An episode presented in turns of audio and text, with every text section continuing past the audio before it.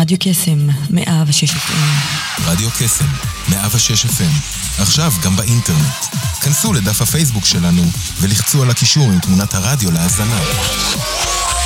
ניתן גם להזין לנו בשידור חי על גבי ה-WW. אז למה אתם מחכים? תנו לנו בלייק. כנסו עכשיו.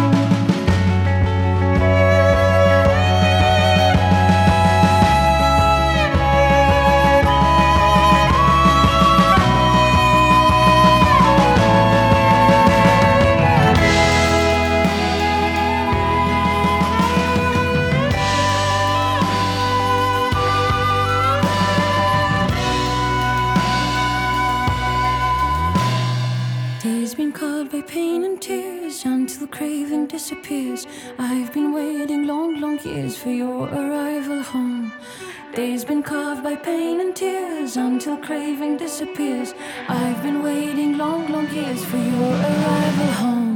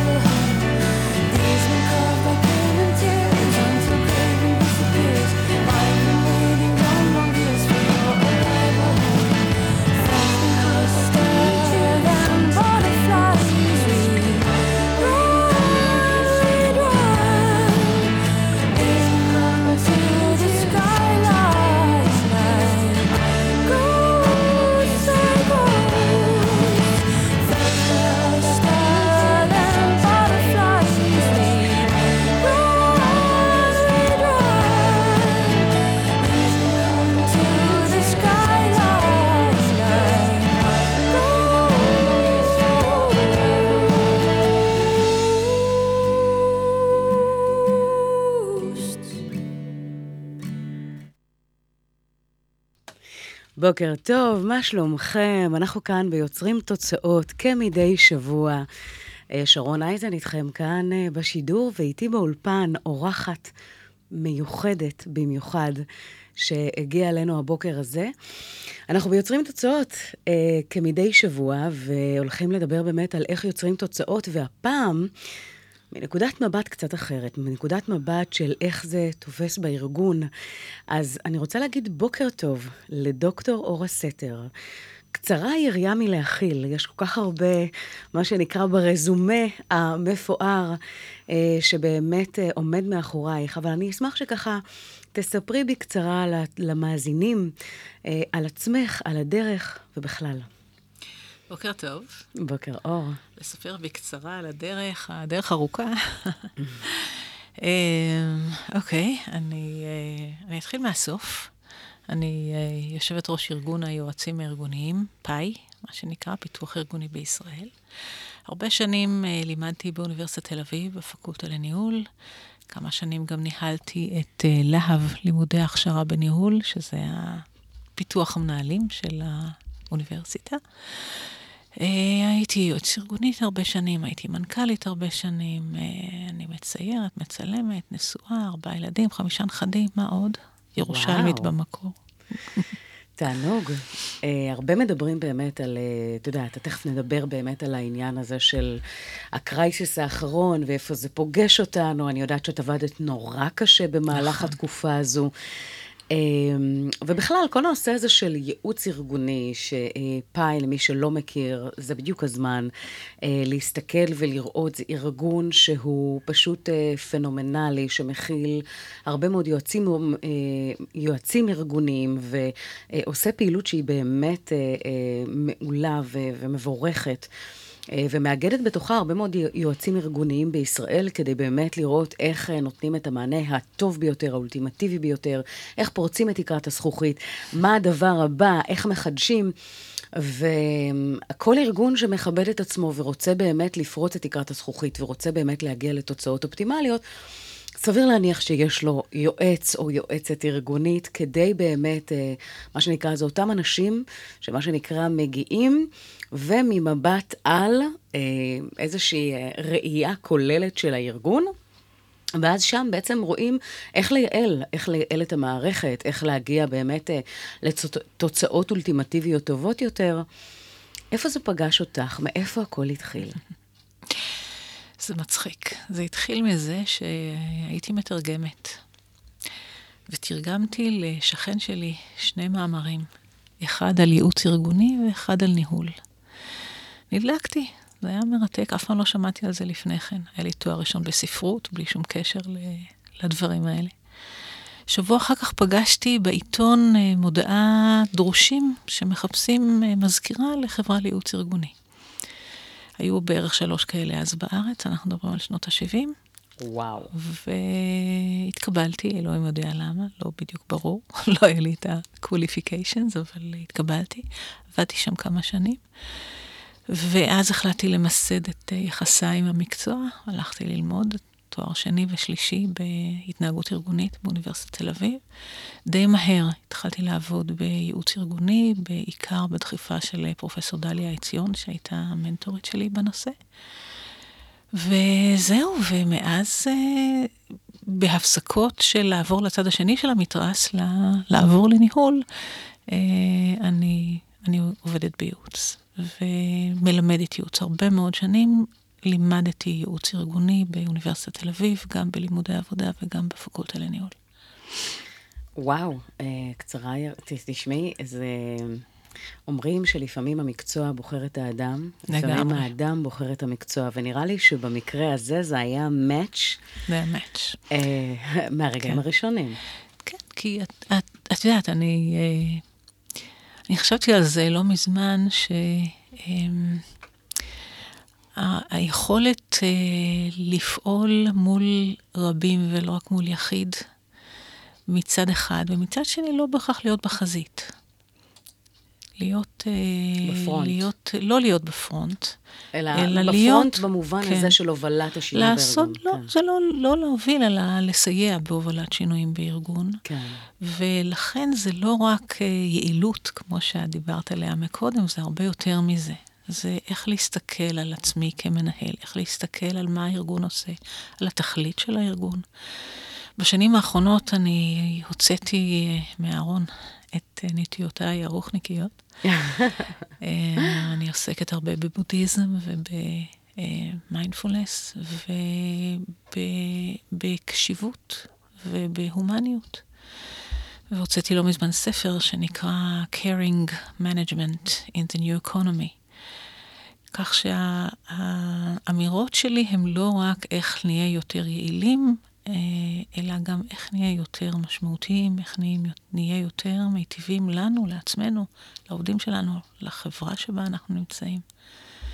זה קצת יותר מאשר יעילות. זה גם יעילות, לא... לא רק. לא רק, כן.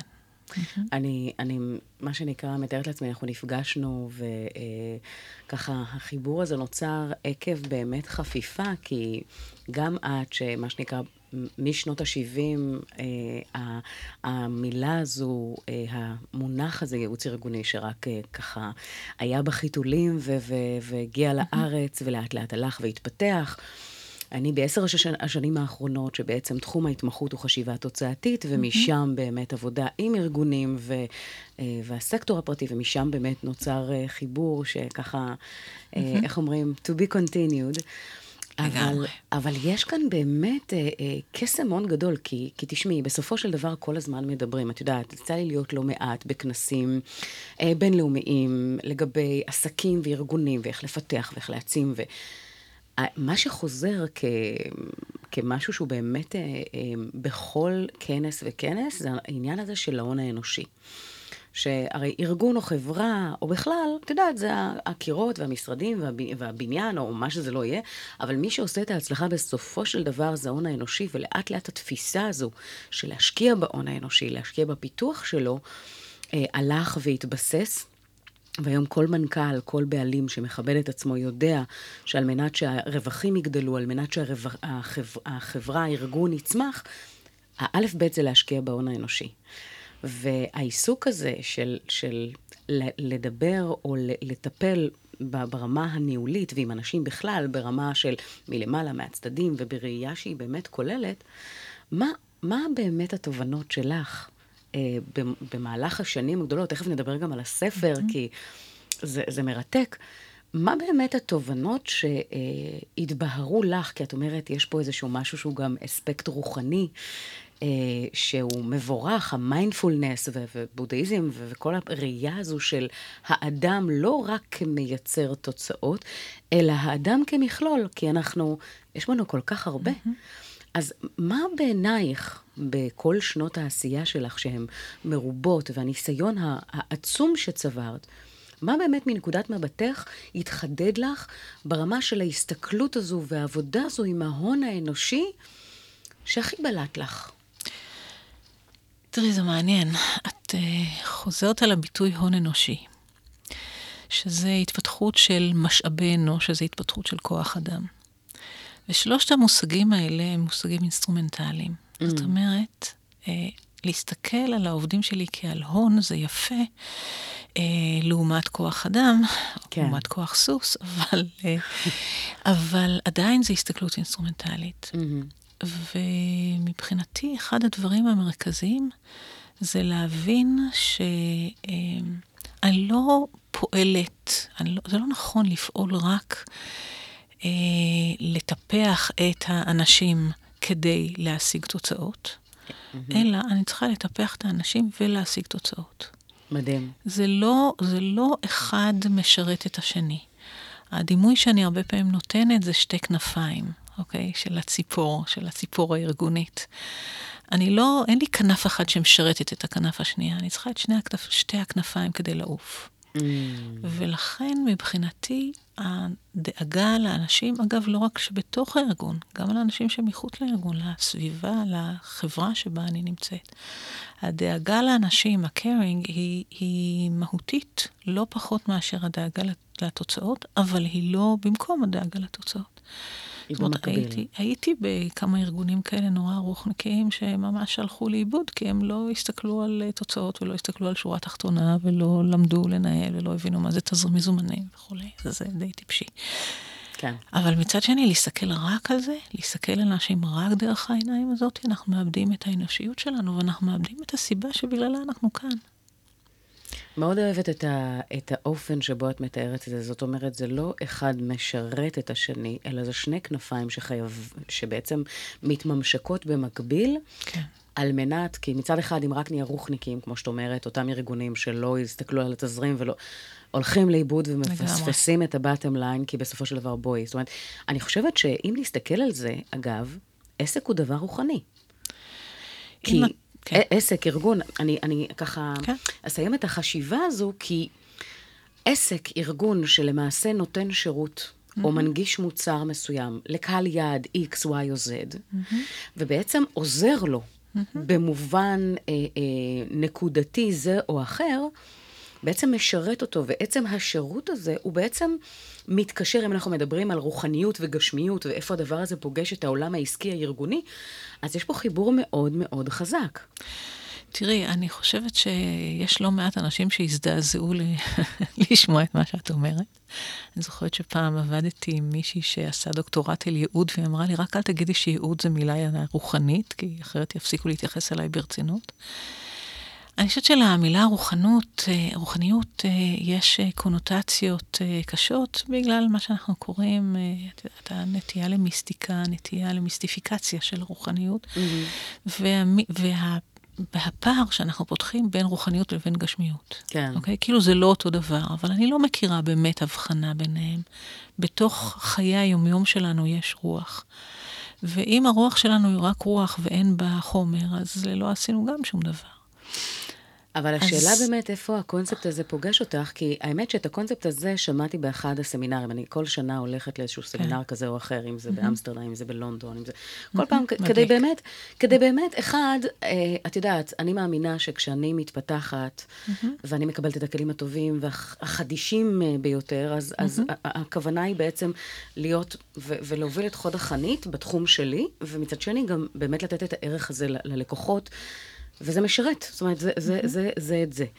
אבל כמו שאת אומרת, זה באמת שני, שתי כנפיים, אני מאוד אוהבת את הדימוי הזה, אבל אני חושבת שברגע שארגון מסוים או עסק מסוים נותן שירות ומשרת כן, את כן. הפרט, יש פה מין הרוחניות. זאת אומרת, נכון. כשאני אסתכל על המקום הזה, כי אני חושבת שיש כאן סתירה שהרבה מאוד לא מתיישבת להרבה מאוד אנשים, כי אומרים, רגע, כסף זה דבר שהוא גשמי. זאת אומרת שאם נניח יש לי עסק או ארגון או, או חברה או לא משנה מה, ההסתכלות באמת הפיננסית, התזרימית, הפרקטית, אה, בעצם מפספסת לי את המקום הרוחני, כי הרוחני זה איזשהו משהו שהוא אמורפי there, ואני חייב להיות מה שנקרא, מדברת על בודהיזם ועל מיינדפולנס, שזה דברים שהם מאוד מאוד מהותיים, ולדעתי אגב, מי שמחובר... היינו הך, זה אותם שני, כנפ... שתי כנפיים ש... מאוד פרקטיים. מאוד מאוד פרקטיים. מאוד פרקטיים. אז, אז מהמקום הזה אנחנו באים ואומרים, רגע, גם הסתכלות על כסף mm. או על רווחיות יכולה להיות רוחנית, כי אני, אני מאמינה שכוונת הבורא, כשמה שנקרא, באנו לעולם הזה, זה לא שנהיה במרדף אינסופי ובמרוץ התשה ובהישרדות, אלא שיהיה לנו את ה... בוא נאמר את ה-well-being, את מה שאנחנו זקוקים לו כדי לממש את הייעוד mm-hmm. שלשמו הגענו לעולם. אז אחד משרת את השני. וגם אם אנחנו לא אנשים מאמינים, כן. וגם אם אנחנו לא מקבלים קיומו של בורא, או זה שבאנו עם תכלית, עדיין אנחנו יודעים שדאגה לאחרים היא מקור אושר. לגמרי. היא מקום אושר. זאת אומרת, אני לא חייבת להיות אמונית כדי להיות רוחנית. אבל אני חושבת שלכל ארגון יש תכלית, והתכלית היא לא שווה לייעוד והיא לא שווה ל... אה, היא לא, היא לא מתמצ... מתמקדת בשורה התחתונה, היא מתמקדת בשאלה מה אתה בא לעשות בעולם. עכשיו, אני לא אומרת שאין abuse מטורף של זה, ואין ניצול לרעה גם של עצם המילה תכלית אה, ו- וכולי, זה, זה מובן מאליו. אבל כשאני מסתכלת על תכלית של ארגון, ואני שואלת איך ההחלטות שאני מקבל מול התכלית של הארגון, אני מוצאת שלא מעט ארגונים הם, אמ, היו רוצים לפעול ולא להרגיש את הפיצול הזה. כן. אני במשך הרבה שנים חוויתי פיצול, כאילו העזתי לדבר על הדברים האלה, או, או אפילו להודות בהם בפני עצמי. אבל אני שואלת את אה, כל ארגון, אמ, מאיפה מגיע, מגיעים המשאבים שלך? ומה התהליך? כי את יודעת, האלף-בית של ניהול זה שאתה, יש לך אינפוטים, יש לך תהליך של טרנספורמציה שהופך לאאוטפוטים של הארגון, אוקיי? לתפוקות של הארגון. אז אני שואלת מאיפה באים, האם אתה שם לב מאיפה באים התשומות שלך? האם אתה שם לב למה אתה עושה בתהליך הטרנספורמציה, או שאתה הולך ככה בבוטות? בדוק, כן.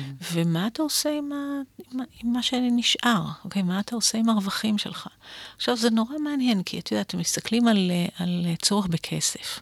עכשיו, הדוקטורט שלי, אחד הממצאים של הדוקטורט שלי, המאוד משעשעים, זה שכל אחד חושב שמגיע לו יותר ממה שהוא מקבל. נכון. אבל ברמה מאוד מאוד ספציפית. זאת אומרת, 1.3. שליש יותר ממה שאני מרוויח, זה מה שמגיע לי. זאת אומרת, תמיד מגיע לנו יותר. אבל אנחנו מבחינים בלא מעט מחקרים, שזה עלה מאוד יפה בדוקטורט, שעד רמה מסוימת, הכסף משרת אותנו כדי לחיות, ברמה אינסטרומנטלית. אבל מרמה מסוימת, לא מזמן שמעתי הרצאה שבארצות הברית זה משהו כמו 50 או 60 אלף דולר, אני לא יודעת לתרגם את זה לישראלית. מרמה מסוימת הכסף כבר לא משנה את איכות החיים שלנו, לא משנה את רמת האושר שלנו, ואפילו לא משנה את תחושת השפע שלנו. ולכן הרצון, גם הארגוני, גם האגו הארגוני להרוויח יותר כסף, endless, משרת איזושהי תפיסה שהיא אפילו מעוגנת בחוק, שמטרת הארגון היא להשיא את רווחיו, בלי להסתכל על הדברים האחרים שהיום מתחילים להסתכל עליהם בשנים האחרונות. הללויה על זה. מסתכלים על, ה, על מה אני עושה לחברה, מסתכלים על מה אני עושה עם הרווחים שלי, ומסתכלים גם על התהליכים, האם התהליכים שלי מזיקים לסביבה, מזיקים לחברה, לקהילה, או להפך. ואני מסתכלת על מה שהיום נקרא triple bottom line. אוקיי? למשל, או מסתכלת על גישה שנקראת קפיטליזם אה, קשוב. Mm. ואני אומרת, כל הגישות האלה אכן מסתכלות גם על מאיפה, גם מאיפה אני, האם אני אקח כל אינפוט מכל מקום, האם אני אעשה תהליך טרנספורמציה שיחסל את uh, סיכויי הנכדים שלי לחיות בעולם בריא, ומה אני עושה עם הרווחים שלי. עד הרמה המסוימת שבה אני צריכה לגדול ולספק את צורכיהם של בעלי המניות, מה מעבר לזה? Okay. כמה שזה מבורך. אני, העניין הזה של תכלית, אגב, לא מזמן כתבתי על זה פוסט. ותכלית, תף בהתחלה, תף בסוף. Mm-hmm. באמצע יש כלי. כלי. ונשאלת השאלה באמת, אה, עד כמה באמת אנחנו פתוחים וקשובים להגדיל את הכלי שבאמצעותו אנחנו בעצם אה, אה, עושים את מה שאנחנו אה, עושים ביום-יום, ברמה של... אה, הקשבה אה, לגוף, לנפש, אה, בכלל, כל השילוב הזה שבעצם אותו משחק שמדבר עד כמה אנחנו באמת mm-hmm. מביאים את הכלי הזה שבאמצעותו אנחנו פועלים ועושים לידי ביטוי mm-hmm. בצורה מיטיבה יותר או פחות. אני חושבת שהדרך לפיתוח של הכלי הזה, ואני חושבת שאנחנו ככלי, זה דורש תחזוקה מתמדת לגמרי. ושיפור מתמיד. אבל הדרך לשפר את הכלי הזה היא באמצעות הקשבה. ואחד החוקרים שאני מאוד אוהבת, אוטו שמר, אומר, התפקיד של מנהיגות זה להקשיב. עכשיו, הקשבה היא לא רק פנימה. יש לי כמובן, בתור בן אדם שמתיימר להיות רוחני, יש לי הרבה כבוד להקשבה פנימה, אבל לא רק. גם הקשבה החוצה, גם להקשיב לאנשים, גם להקשיב לעובדים שלי, גם להקשיב ללקוחות שלי, גם להקשיב למה שקורה בעולם סביבי. להיות במיינדפולנס בקיצור, מיינדפולנס לא רק תרגיל מדיטציה, אלא באמת בקשב. כדרך חיים. בה, כהקשבה כדרך חיים, הקשבה שותקת, הקשבה שהיא לא מיד עונה, מיד מגיבה, מיד אה, אה, יש לה מה לענות, אלא הקשבה שנותנת לדברים להיכנס ולחלחל, ובאמת לשים לב מה קורה, מה קורה בסביבה שלי עכשיו.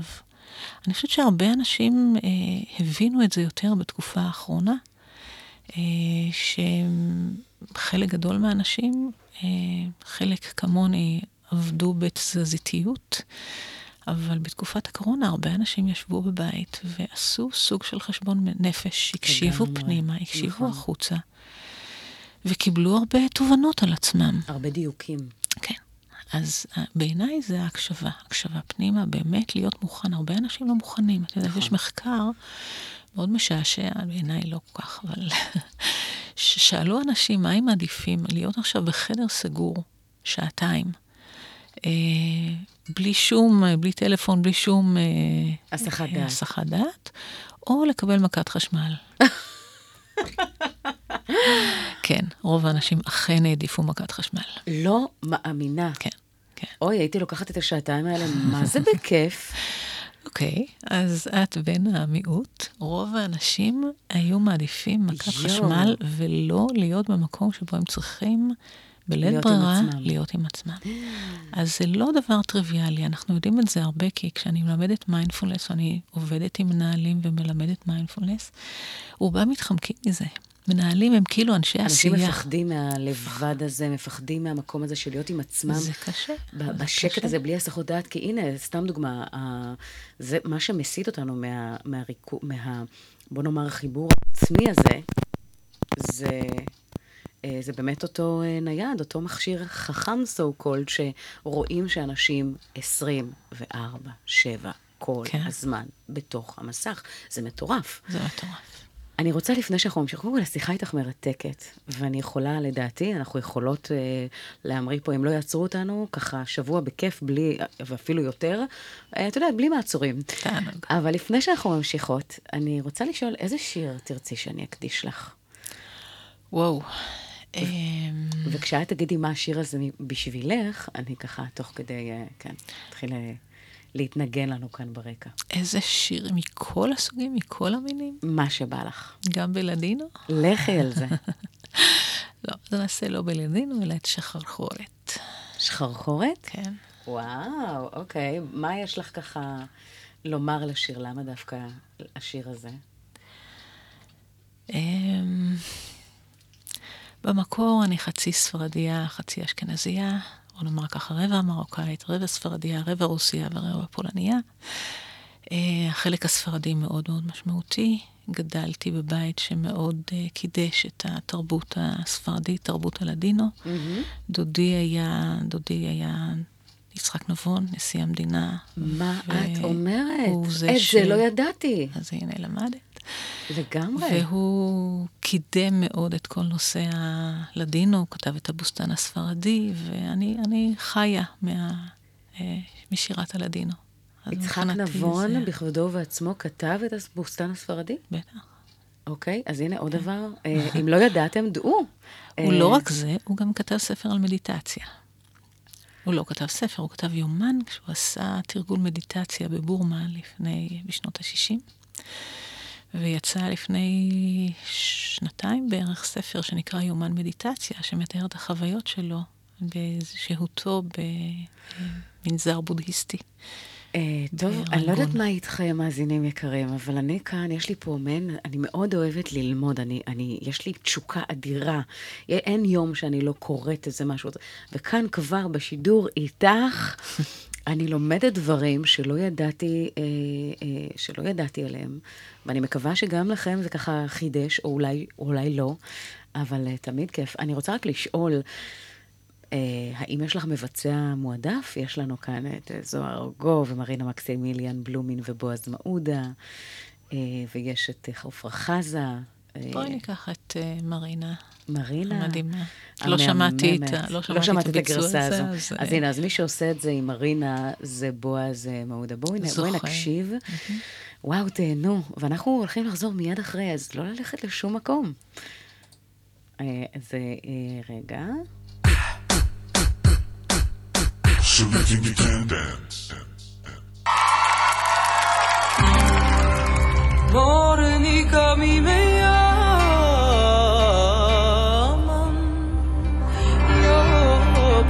go.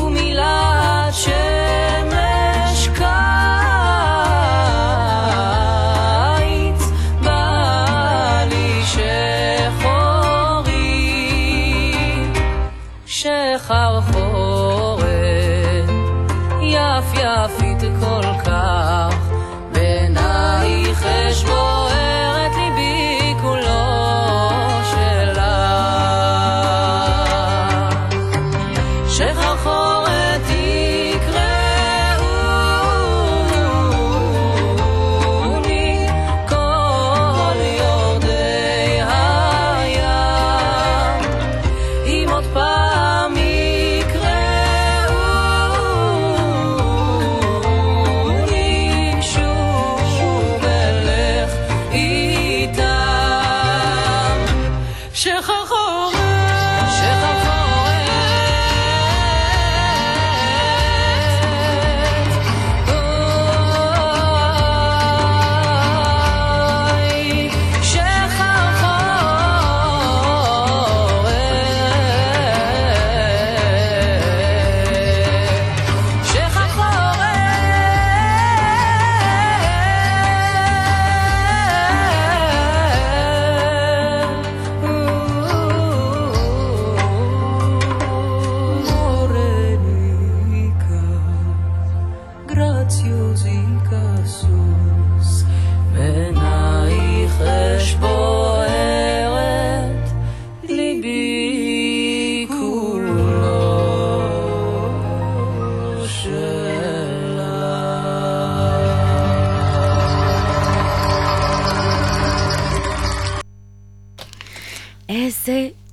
תקשיבי, המון זמן לא שמעתי את השיר הזה, ואת פעם ראשונה שומעת את זה, מה שנקרא, בביצוע של נכון. מרינה המהממת ו- ובועז.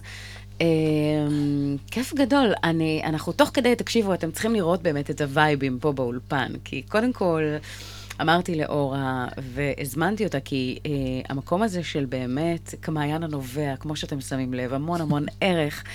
אז uh, אתם עוד תשמעו מה- מה- מהדואו הזה, זאת אומרת, אנחנו נעשה ב- בעזרת השם, בלי נדר, בהמשך, עוד uh, ככה כמה uh, תוכניות שכאלה, כשאורה מתארחת ונותנת לנו מהאור ומהידע ומהחוכמה והפנינים, יש פה הרבה, הרבה מה לקחת.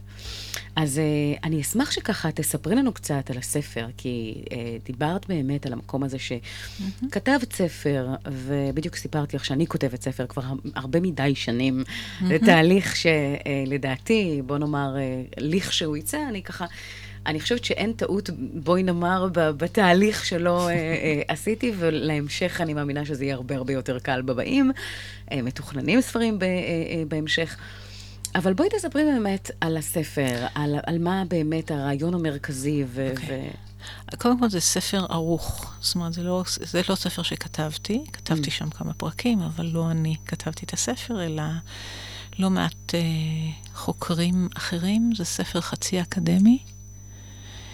אה, הספר נולד מכנס שארגנתי באוניברסיטת תל אביב, בפקולטה לניהול, עם אה, אה, פרופסור מאוניברסיטת קורובינוס בבודפשט, בשם פרופסור לזלו זולנאי, אה, שהוא עומד בראש ארגון אירופאי שנקרא SPES, Spirituality and Economics and Society, והם אה, ביקשו לעשות בארץ את הכנס השנתי של SPES, ואני ארגנתי את זה בפקולטה לניהול. היה כנס uh, מדהים, היו באמת, uh, אנשים טוענים שזה היה אחד הכנסים הכי טובים של SPES, היו שם הרצאות נפלאות, גם של ישראלים וגם של לא מעט אנשים שהגיעו מחו"ל. ומה שעשינו היה לקחת את החלק הקטן מתוך ההרצאות שהיו שם ולהפוך אותם לסרט, לסרט, להפוך אותם לספר, כולל מאמר שלי, כולל מאמר שלו, כולל כמה דברים שכתבנו ביחד. איזה רעיון. הכתיבה הייתה, הנושא היה caring entrepreneurship, mm. כשאנחנו שאלנו מה הקשר בין מה שנקרא old traditions and new economy. מסורות זה בעצם עתיקות. יזמות, זה יזמות אה, אה, אכפתית. כן. יזמות אכפתית, מסורות עתיקות וכלכל, בכלכלה החדשה. Mm. והשאלה היא מה אנחנו יכולים ללמוד באמת מהיהדות, מהבודהיזם, מהנצרות, מהאסלאם, היו הרצאות על אסלאם, מההינדואיזם, על, אה, על אה, ניהול, על ניהול מיטיב. זאת אומרת, זה לקחת ממש את ו- כל, זה קונספט מאוד מעניין. כן, זאת אומרת, זה לקחת את כל הדתות באשר הן, כן. ובעצם לעשות להם איזושהי... איזשהו אה, חיבור לעולם הניהול. עכשיו, זה קיים. אני כן. הייתי לא, בלא מעט כנסים בהודו סביב הנושא של, אה, של אה, מסורות רוחניות, וכולל, ג'- אה, ו- ו- ומנהיגות וניהול, כולל ג'ייניזם, וכולל כל מיני, באמת, אה, שמניזם, you name it. אבל אה, זה היה, זה היה באמת אה, כנס אה, ברמה מאוד מאוד גבוהה.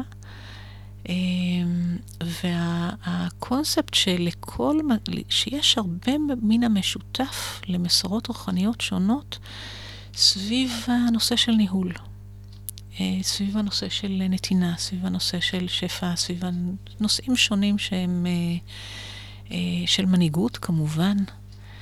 אה, כך שהיו שם הרצאות על בובר ועל, אה, ו, ועל יונס, יונס ועל אה, באמת מ- מכל, מכל טוב. מכל וכל. מכל טוב.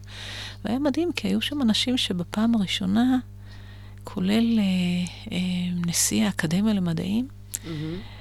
שפעם ראשונה הסכים לדבר על הפן הרוחני של, של חייו. אז היה, היה באמת כנס מדהים. ואני חושבת שהספר הוא מאוד יפה, ו, ובאמת אה, נותן... הבעיה היחידה שלו שהוא יקר בטירוף. מה זה יקר בטירוף? יקר זה 110 דולר ב... לספר זה נדיר, זאת אומרת, כן, בוא נגיד, בספר, לא מחיר אה, כן. מייצג. כן, אבל אה, פעם בשנה לקראת Christmas מוכרים אותו בערך בעשרה דולר, אז עשיתי הזמנה, כן, כן, עשיתי כן. הזמנה כוללת. אבל לאוניברסיטאות, רוב האוניברסיטאות הזמינו אותו. מהמם, מהמם. אה, תשמעי, מדהים. זאת אומרת, את אומרת כאן, אה, את נתת לי פה רעיון, כי, כי אני לא יודעת מה איתכם, אני בכלל, כאילו, אני, המסע שלי בשנים האחרונות עם הכתיבה של הספר שאני מדברת איתכם עליו, שיש למה לחכות, כי יש שם הרבה חדשנות, ומדבר כן. באמת על אסטרטגיות החשיבה התוצאתית, ועל ה-emotional brain, על כן. כל הנושא הזה, ועל היישום, זאת אומרת, מה צריך לעשות כדי באמת לגרום לדברים כן. לקרות בפועל, ובסופו של דבר התקשורת. אה, התוצאתית והעברת המסרים, איך אנחנו למעשה מחברים את כל הדבר הזה כדי באמת להגיע לשלב שאנחנו מייצבים תוצאות טובות, ומה מה הם חלקי הפאזל. זאת אומרת, זה, זה משהו שהוא באמת באמת מרתק, שאני הקדשתי, הקדשתי לו לא מעט אה, אה, מזמני ושנותיי. אה, ולכן אני מאוד אה, ככה מרוגשת ומתרגשת, ומאוד רוצה שהוא כבר יצא, אבל מתברר שבאמת כל הנושא הזה של העריכה הלשונית והספרותית, סיפור, סיפור. כן. תראי, אני, אני... אה, אבל זה, זה יצא בסוף. יש כן. לי שלושה, שלושה ספרים בכתיבה. כולל ספר אחד שממש ממש צועק שהוא רוצה לצאת, כן, שהוא נקרא בשבח התקיעות. תקיעות. או, כן, בשבח התקיעות. כן. אה, ו... זה לא מוכר, מה, מה זה, כן? להיות סתם, תקוע. צוחקת, כן, צוחקת, את- צוחקת. את לא בוודאי שזה מוכר. את לא נשמעת לי עכשיו תקועה עם הספר. לא, לא, אני, אני צוחקת, אני אומרת את זה בציניות, היות. ואני חושבת כן. שאין אדם שלא יתחבר למושג הזה שהיה תקוע ב- ב- ב- במקום כזה או אחר בחייו. זאת אומרת, מי מאיתנו לא חווה את זה? כן, אבל העיקרון של הספר הוא בשבח התקיעות. זאת אומרת, למה... למה זה טוב? למה זה טוב? למה נכון לנו לפעמים להיות תקועים? ולמה לא נכון לנו להיאבק בתקיעות הזאת, אלא לשהות בה עד שהיא נפתרת? אפרופו רוחניות. זאת אומרת אפרופו- שלכל... שוב, אני, אני לא... אפשר לשים את זה ברוחניות, ואפשר לומר שלפעמים אנחנו צריכים תשעה חודשי לידה עד שמשהו נכון נולד. אה, תשעה חודשי הריון עד שמשהו נולד. אז שבח התקיעות הוא, הוא הסתכלות בודהיסטית על תהליכים של טרנספורמציה. אה, אוקיי, לכשיצא, אז... אה, נדבר עליו. כן, אנחנו נעשה סוויצ'ינג, זאת אומרת, אה, לגמרי, לגמרי. תשמעו, יש פה, אה, באמת, יש למה לחכות, כי אני, מרתק לי לדבר איתך. אני מקווה שגם אתם מרגישים את, ה, את הווייבים ואת העניין, ואנחנו מצליחות להעביר את, ה, את האנרגיה שיש פה באולפן, גם אליכם ולאוזניכם. אבל uh, אני רוצה לדבר איתך ככה uh, על עוד משהו, ולהשאיר לו ככה נדבך כן. מכובד לקראת הסוף. אז אנחנו נצא כבר עכשיו, ברשותך, לשיר הבא שלנו.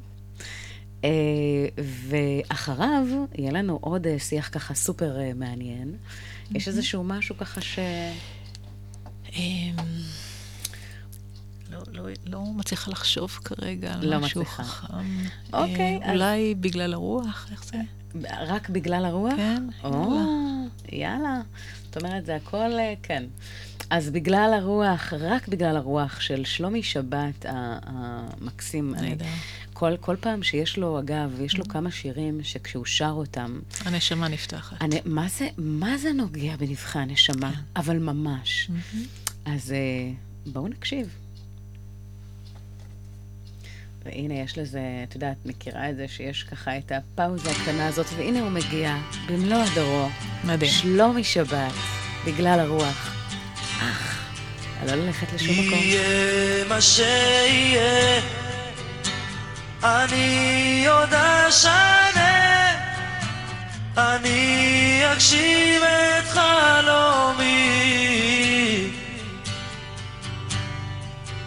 נושאי בשורה רעה, מכות עוד גזרה, לא ישנו את מהותי.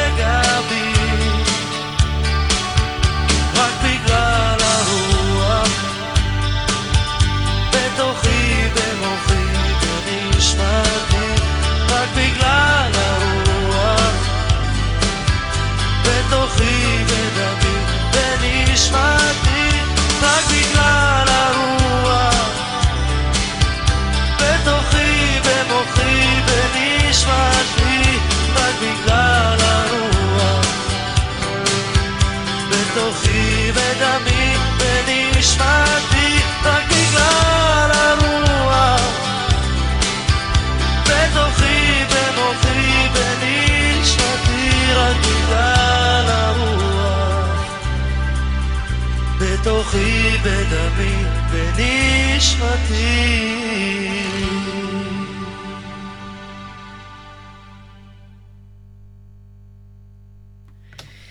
אה, אנחנו אה, חזרנו כאן, ותוך כדי שהשיר של אורה התנגן בגלל הרוח, אה, דיברנו באמת על איך אנחנו מסיימים לכם את הקור טוב של השידור הזה, ואיזה מסר אנחנו יוצאים איתו. אז התלבטנו, האם באמת הנושא הזה של הקורונה וה... והנושא הזה של האי-ודאות, אבל היות ובאמת כל כך הרבה דיברו על זה, יש לנו משהו קצת אחר. והמשהו הקצת אחר הזה מדבר על מה קורה לנו בתהליכים שבהם אנחנו מרגישים תקיעות. התקיעות הזו, אגב, יכולה להיות מאוד מקושרת גם לנושא הזה של הימים האלה של חזרה לשגרה אחרי הקורונה, ובכלל, מה קורה באמת שמרגישים תקיעות ורוצים להניע את, ה, את התהליכים מחדש ולהגיע באמת, לצאת באמת מהמקום הזה לעבר עשייה מחודשת. אז יש תיאוריה מאוד מאוד מעניינת, שאני רוצה ככה שתשמעו הישר מפיה של אורה, והראה לכם, אז כן.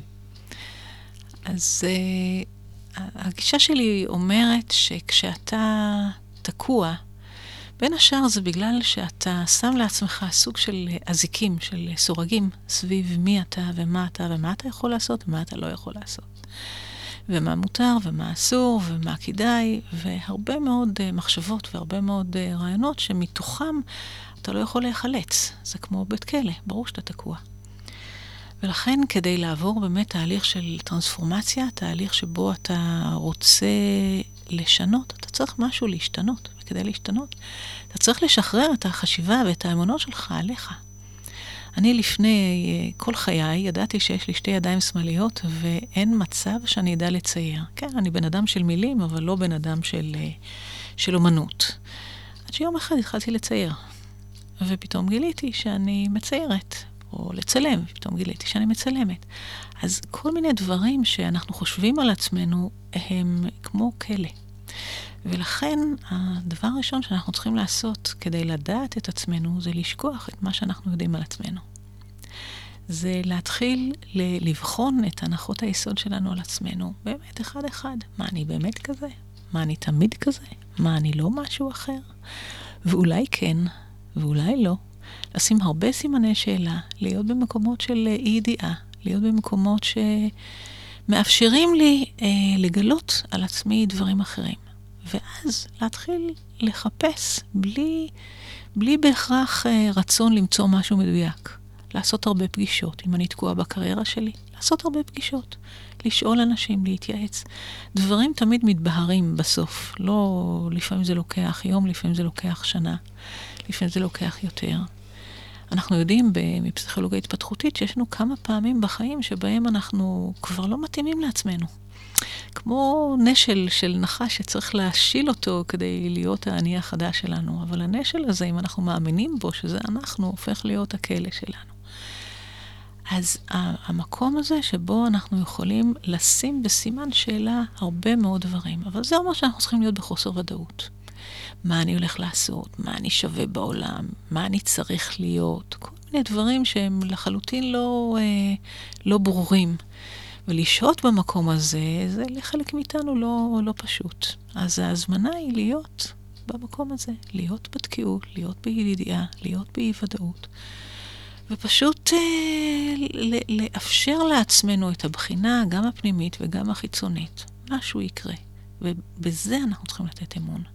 משהו יקרה.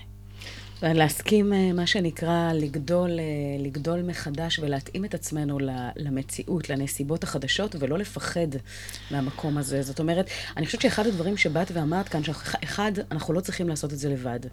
זה אה, אפשר, הנושא הזה כן. שבאמת, כן. כשאתם מרגישים תקיעות, אז תמצאו לעצמכם, בין אם זה קבוצות mastermind, בין אם זה אה, ליצור באמת אה, פגישות עם כן. אה, קולגות, ולעשות חשיבה אה, ותהליכי חשיבה, באמת לראות איך, איך אנחנו למעשה ממציאים את עצמנו uh, מחדש. גם לנסות דברים, גם אם אני לא בטוחה במשהו, לנסות אותם, לראות, לא, לא הולך, לא הולך, גמרנו. כן. כאילו לשחק. ה- ה- אני חושבת שהביטוי שמבחינתי הכי מסביר את זה, זה להרגיש שה- שהחיים זה מגרש, מגרש המשחקים שלי, mm. לא של מישהו אחר. Mm. ואני לא יודעת אם לא לפחד, לפחד זה בריא, אבל uh, כן לקבל אומץ לעשות צעדים uh, מוזרים, לא מקובלים. שאולי יפגעו באנשים קרובים אליי. אולי הם יחשבו שזה לא מתאים, או לא ראוי, או לא, לא ברור, או משהו כזה. אבל יש, אני חושבת, הרבה, אה, נדרש הרבה אומץ, אבל פחד, פחד הוא בריא. פחד זה דבר בריא. לא לפחד גם לא מהפחד. ואלה שבאמת, אה, בואי נאמר, מפחדים מהפחד ורוצים לדעת לאיך לעשות את זה בצורה שהיא אולטימטיבית, איזה צעדים אה, את מוצאת, בוא נאמר, משנות ניסיותייך? ב, אה, בתקופות של אי-ודאות, ב- ברמה, אה, רמת שינוי כזו או אחרת, מה הדברים שבאמת... למצוא קבוצת תמיכה. קבוצת תמיכה שהיא לפעמים ישנה, לפעמים חדשה, לפעמים אמיתית, לפעמים וירטואלית, אבל uh, למצוא את האנשים שאיתם אני יכולה לדבר על הכיוון הזה. למצוא את האנשים שהם יעזרו לי ו- ויהיו פוזיטיביים אליי, יהיו חיוביים אליי, ולהתרחק קצת מהאנשים שמביאים אנרגיה שלילית. Mm. אה, גם אם הם אנשים ששוחרי טוב, גם אם אנשים שאוהבים אותי, אבל לפעמים אנחנו צריכים קצת להתרחק ולחפש את מקורות התמיכה. עכשיו, לא, לא, אין כאן הבטחה, זאת אומרת, הרבה פעמים אנחנו הולכים לעשות טרנספורמציה והיא נכשלת. זה גם טוב, גם בסדר. כשאנחנו מסתכלים על החיים שלנו כאל מסע, כישלונות הוא, הם חלק uh, בלתי נפרד מה, מהמסע שלנו. לא כל דבר שאנחנו נעיז לעשות, אנחנו ננצח. לפעמים המעז נכשל, נופל. בסדר, חלק מהחיים. אבל uh, לקום, ולהמשיך לנסות ולחפש את האנשים שאיתם אני יכולה לעשות, להיות, להיות יותר מי שאני, mm-hmm. לדייק את עצמי. אני חושבת שזה הדברים המשמעותיים. אוקיי, אז אה, אנחנו ראינו כאן באמת אה, לא מעט דברים, ואם ברשותך יורשה לי ככה להוסיף עוד כמה נקודות שאני מוצאת כיעילים ברמת אה, חשיבה תוצאתית, אני חושבת שמפת חשיבה היא אחד הכלים שיכולים מאוד לעשות שכל וסדר במקומות האלה, דווקא במקומות האלה. אגב, גם, גם את הדבר הזה לא חייב לעשות לבד, אפשר לעשות ברמה של קבוצת mastermind, סיעור מוחות, ובאמת לעשות חשיבה, זאת אומרת, זה סוג של תהליך של reverse engineering, חשיבה מהסוף להתחלה. מהתוצאה לדרך, ולהיעזר בניסיונם של אחרים, mm-hmm. לא רק בניסיוני שלי, ולראות באמת עלות תועלת, או ברמה של אה, לעשות באמת איזושהי חשיבה לאיפה באמת הנקודות והממשקים שבהם יש לי אה, אה, נתונים של מה עבד, מה לא עבד, מה הדברים שבאמת יש להם סבירות אה, אה, טובה וגדולה יותר להצליח, אה, לשלוח שאלונים אה, לפני שאני בעצם יוצאת לדרך ובאמת לשאול את הקהל יעד הספציפי שאיתו אני אה, אה, מתעתדת לעבוד, כדי באמת לראות את אחוזי ההיתכנות ועד כמה באמת הדבר הזה... יש, יש לנו אה, אה, אפשרויות ודרכים לעבוד בצורה חכמה. מבלי ככה ללכת אה, אה, אל הלא נודע, כי המון אנשים מפחדים מזה, אלא ליצור עוגנים, עוגנים קטנים בדרך, שיכולים לתת לנו את ה... Mm-hmm. את הביטחון הזה as we go. אז אחד זה קבוצת mastermind, כמו שאת אומרת, קבוצת תמיכה של באמת להעלות רעיונות ולהיעזר בניסיונם של אחרים. הדבר השני זה באמת אה, אה, מפת חשיבה שעוזרת למוח לראות שחור על גבי לבן, המוח חושב בתמונות, את ה-reverse engineering, מהתוצאה לדרך. הדבר הנוסף זה אה, לראות באמת עלות תועלת, מה הדברים שבאמת יכולים לעבוד, ודבר נוסף זה באמת לעשות את הבדיקות לפני שאני יוצאת לדרך. זאת אומרת, לבדוק את הצורך. מה, מה באמת הנקודות והממשקים של הכאב ואיפה זה יכול לבוא ולתת מענה. ואחד הדברים החשובים זה לזכור שכל אה, משבר הוא הזדמנות.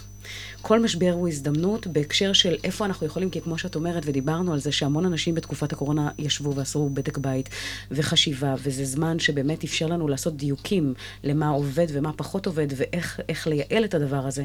אז, אז לא לפחד מהמקום הזה, אלא בדיוק ההפך, לראות באמת איפה אנחנו יכולים לייעל, איפה אנחנו יכולים לדייק, ומה אנחנו יכולים לעשות כדי לעלות למדרגה הבאה. כן, אבל גם להיות עם הקושי ולא לפחד להיות עם הקושי.